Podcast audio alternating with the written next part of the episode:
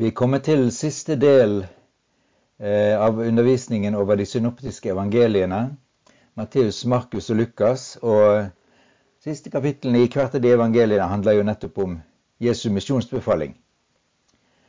Så nå vil vi, nå vil vi lese disse tekstene fra Matteus kapittel 28, Markus kapittel 16 og Lukas kapittel 24. I Matteusevangeliet står det slik. De elleve disiplene dro til Galilea, til fjellet der Jesus hadde sagt han ville møte dem. Og da de fikk se ham, falt de ned og tilba ham. Men noen tvilte. Da trådte Jesus fram og talte til dem. Meg er gitt all makt i himmelen og på jorden. Gå derfor ut og gjør alle folkeslag til disipler. Døp dem til Faderens og Sønnens og Den hellige ånds navn, og lær dem å holde alt jeg har befalt dere. Og se, jeg er med dere alle dager inn til verdens ende. I Markusevangeliet er Jesu misjonsbefaling gjengitt på denne måten. Og Jesus sa til dem, gå ut i hele verden og forkynn evangeliet for alt som Gud har skapt. Den som tror og blir døpt, skal bli frelst. Men den som ikke tror, skal bli fordømt og disse tegn skal følge dem som tror, osv. Og, og så kommer det etter at Herren Jesus hadde talt med dem, ble han tatt opp til himmelen og satte seg ved Guds høyre hånd. Men de, altså apostlene, gikk ut og forkynte overalt, og Herren virket med og stadfestet ordet gjennom de tegn som fulgte. Og så til slutt fra Lukas kapittel 24. Så sa Jesus til dem, det var dette jeg talte om og han fortsetter og i hans navn skal omvendelse og tilgivelse for syndene forkynnes for alle folkeslag. Dere skal begynne i Jerusalem. Dere er vitner om alt dette. Og se, jeg sender over dere det som min far har lovet, men dere skal bli i byen til dere blir utrustet med kraft fra det høye. Og slik slutter, de, slutter Lukas i evangeliet, men fortsetter i apostlenes gjerninger. Og det står i, vers, i kapittel 1, vers 8. Dere skal få kraft når Den hellige ånd kommer over dere, og dere skal være mine vitner i Jerusalem og hele Judea, i Samaria og helt til jordens ende. Og når vi nå fortsetter, så gjør du veldig klokt i ikke bare å lytte til det jeg sier, men også å se på den powerpoint-prestasjonen som hører med til denne undervisningen. Hvis vi ser på det store bildet fra skapelsen av og til fullendelsen, så kan, vi, så kan vi tegne noen linjer. Og linjene kommer da fram til Jesus, som er oppfyllelsen av alle løftene i profetiene. Og så går det linjer ut fra Jesus, som dreier seg om evangeliets forkynnelse. Oppfyllelsen av løftene i Jesus, altså. Til hele verden, inntil enden skal komme. Og dette begynner med skapelsen. Hele mennesket Heten er til stede i Adam og Eva. Og Gud sier det til Adam at fyll hele jorden og legg den under dere. Det betyr at eh, Adam og Eva, som skapte Guds bilde, de skal få barn som også er skapt i Guds bilde, som skal få barn som er skapt i Guds bilde. Og på den måten er det Guds vilje at hele jorden skal fylles med mennesker som er skapt i Guds bilde og lever i samsvar med det å være i Guds bilde. Men slik gikk det ikke, vet vi. Og derfor starter Gud på nytt med utvelgelsen av Abraham, dvs. Si Israels stamfar. Og Gud sier til Abraham, 'Jeg vil velsigne deg', og det betyr at Gud vil velsigne Israel. Men så sier han som det neste, 'Du skal bli til velsignelse for alle folkeslag'. Og merk det nå, dette begrepet 'alle folkeslag'. Og han sier til Abraham, 'Tell stjernene, så stor skal ætten din bli'. Og så kom det en mengde Messias-profetier gjennom Skriften i Det gamle testamentet som handler om frelse for Israel og for folkeslagene. Og det er helt fram til Jesus kommer, som er oppfyllelsen av løftene hos profetene. Og Jesus han var jo i Israel, og han forkynte denne oppfyllelsen av evangeliet for jøder først. Og dette er et veldig viktig prinsipp som vi kommer tilbake til i gjennomgangen av både romerbrevet og apostlenes gjerninger, at evangeliet er for jøder først. Men så er det også for folkeslagene, altså utover hele jorden. Og dette evangeliet skal forkynnes for folkeslagene inntil folkeslagenes tid er forbi. Og så skal hele Israel bli frelst. Vi kommer tilbake igjen til Paulus sin utleggelse av det nettopp i Rombrevet. I Det gamle testamentet så finner vi en rekke Messias-profetier som går på at han er den som skal gjøre at folkeslagene strømmer til han, strømmer til Sion, strømmer tilbake igjen til Gud. I Isaiah-boken kapittel 2 så står det i de siste dager skal Gud gjøre dette nye og eh, gjenopprette Sion. Dit skal alle folkeslag strømme. Mange folk skal dra av sted og si, Kom, la oss gå opp til Herrens fjell, til Jakobs Guds hus. Videre heter det i kapittel 9, Det folk som vandrer i mørket, ser et stort lys. Og så kommer det, og så skal herreveldet være stort, over Davids trone. Men i kapittel 9, kapittel 11 så fortsetter disse profetiene hos Jesaja. Og så står det først om Israel, og så står det om folkeslagene. Det står at en kvist skal skyte opp fra Isais stubb. Den dagen skal Isais rotskudd stå som et banner for folkene. Folkeslagene skal søke ham. I de sangene som kalles Herrens tjenersangene, altså fra kapittel 42 og til og med kapittel 53 i Isaiah-boken, finner vi dette i et enda større perspektiv, og gjentatt mange ganger. I den første tjenersangen i kapittel 42 står det Se min tjener. Han skal føre retten ut til folkeslagene. Og folkeslagene, eller folkene, heter da på, på hebraisk goyim. Eh, til forskjell fra det som er Israel, Guds folk, som heter Ha'am. Denne Herrens tjener skal ikke slukne før han har satt retten gjennom på jorden. Fjerne kyster venter på hans lov. Og vi kunne oversette det med 'fjerne kyster venter på hans evangelium'. Og Gud sier, 'Jeg har gjort det til en pakt for folket', Ha'am, altså Israel, men også satt deg til et lys for folkeslagene, Goyim. I den neste tjenersangen, kapittel 49, står det Hør på meg, dere kyster, lytt, dere folk fra det fjerne. Og så taler Gud om, eh, om Israel i denne profetien, men også om denne spesielle ene tjeneren som da vi identifiserer som Jesus Messias. Og det står Du er min tjener, Israel, på deg vil jeg vise min herlighet. Men nå, det er for lite at du er min tjener som skal gjenreise Israels stammer. Og da må det gå på en, på en annen enn Israel som skal gjenreise Israels stammer. Og Gud sier, jeg gjør det til et lys for folkeslag, Gojim, så min frelse kan nå til jordens ende i den siste av disse tjenersangene, kapittel 52, fra vers 13 og til og med kapittel 53, så står det om eh, når folk får se denne Herrens tjener, som er så ille tilrett og sånn, og får eh, torturert og skal korsfestes, så står det at slik skal mange folkeslag undres. For hans skyld skal konger lukke sin munn, og det er tydelig at dette peker ut over folket Israel. Går vi så helt til Det nye testamentet, til apostlenes gjerninger, så finner vi det på nytt at, eh, at evangeliet er for jøder først, og så for folkeslagene. Det gjaldt jo først og fremst urkirken i Jerusalem. De hadde ikke den åpenbaringen klart for seg ennå at eh, evangeliet gjaldt alle folk. De tenkte at dette med Jesus, Messias, det gjaldt Israels folk, jødene. Sånn òg med, med, Peter når han blir kalt til å gå til Kornelius. så skjønte han ikke helt dette, at, eh, at også hedningene skulle få del i evangeliet. Men slik gikk det.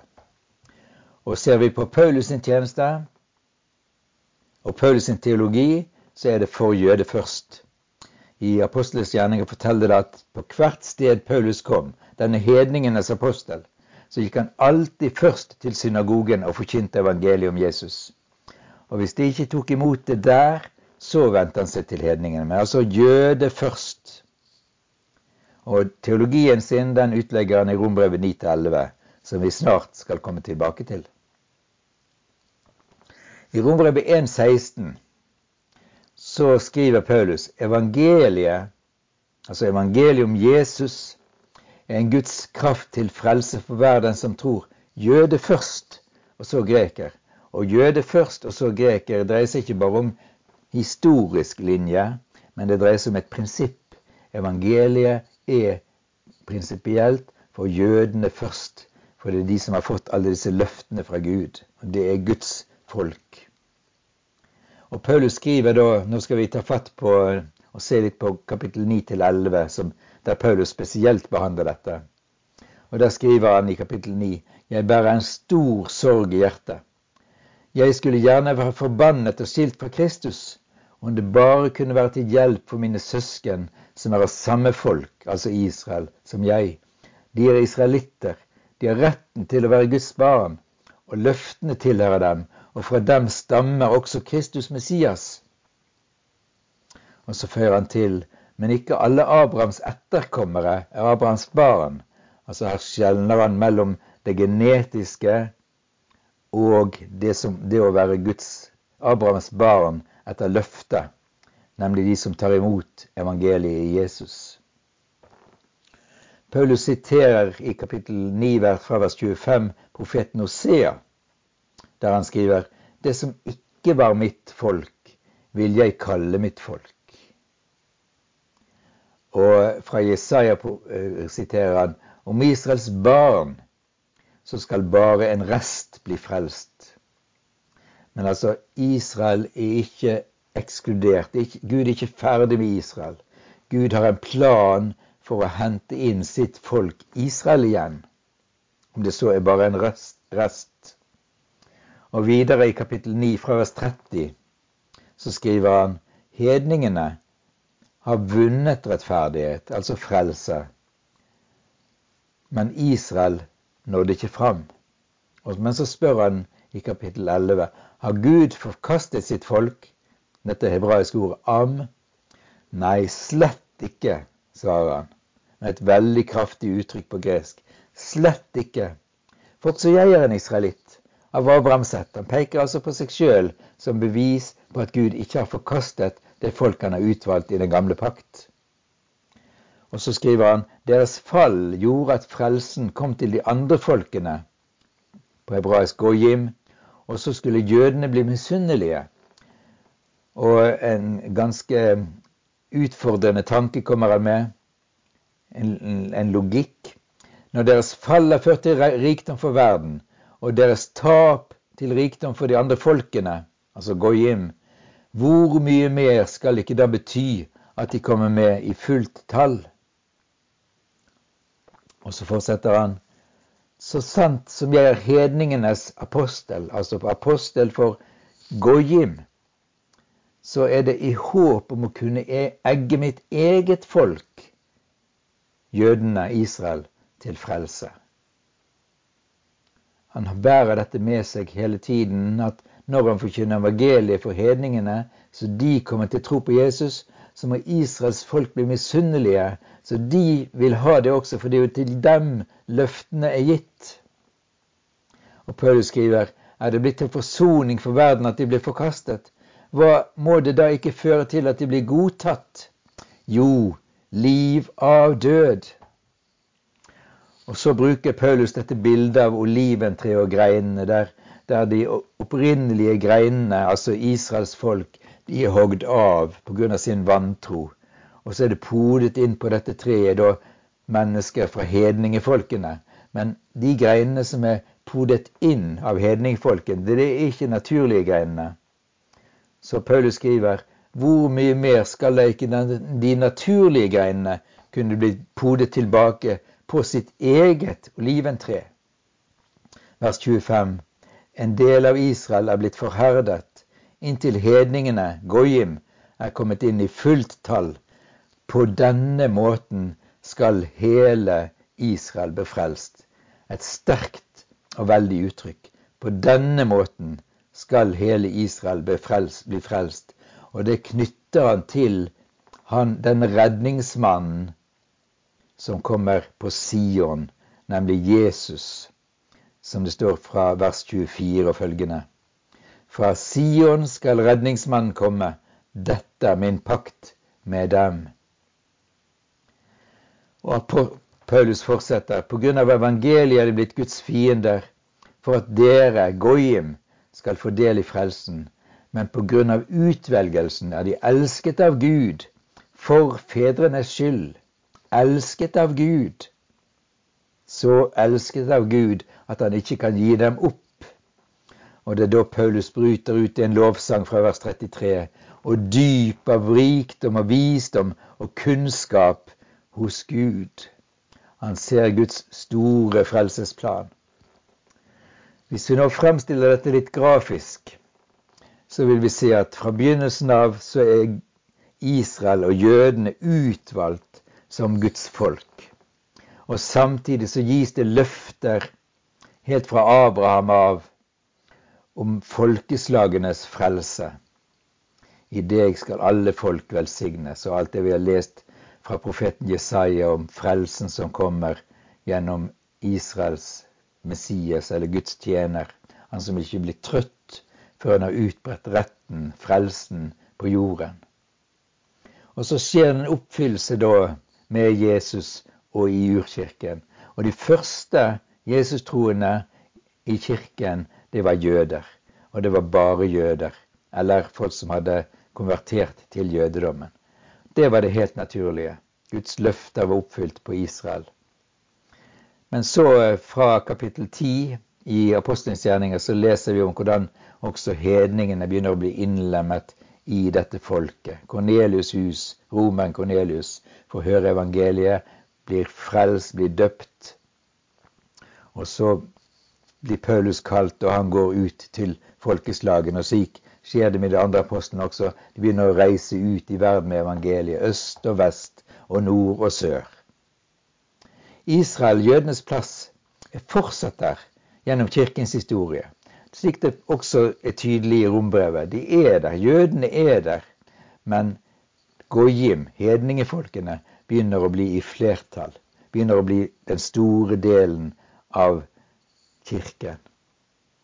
Og slik er det fram til folkeslagene er kommet inn i fullt tall. Folkeslagenes fylde, som det står om. Og når folkeslagene er kommet inn i fullt tall, så skal hele Israel blir frelst. Et sterkt uttrykk og et fantastisk budskap. Gud har en plan for sitt folk Israel. Han har en plan for folkeslagene. Ja, alle folkeslag skal høre evangeliet. Det skal være frelste mennesker fra alle folkeslag. Eh, et tall så stort som ingen kan telle.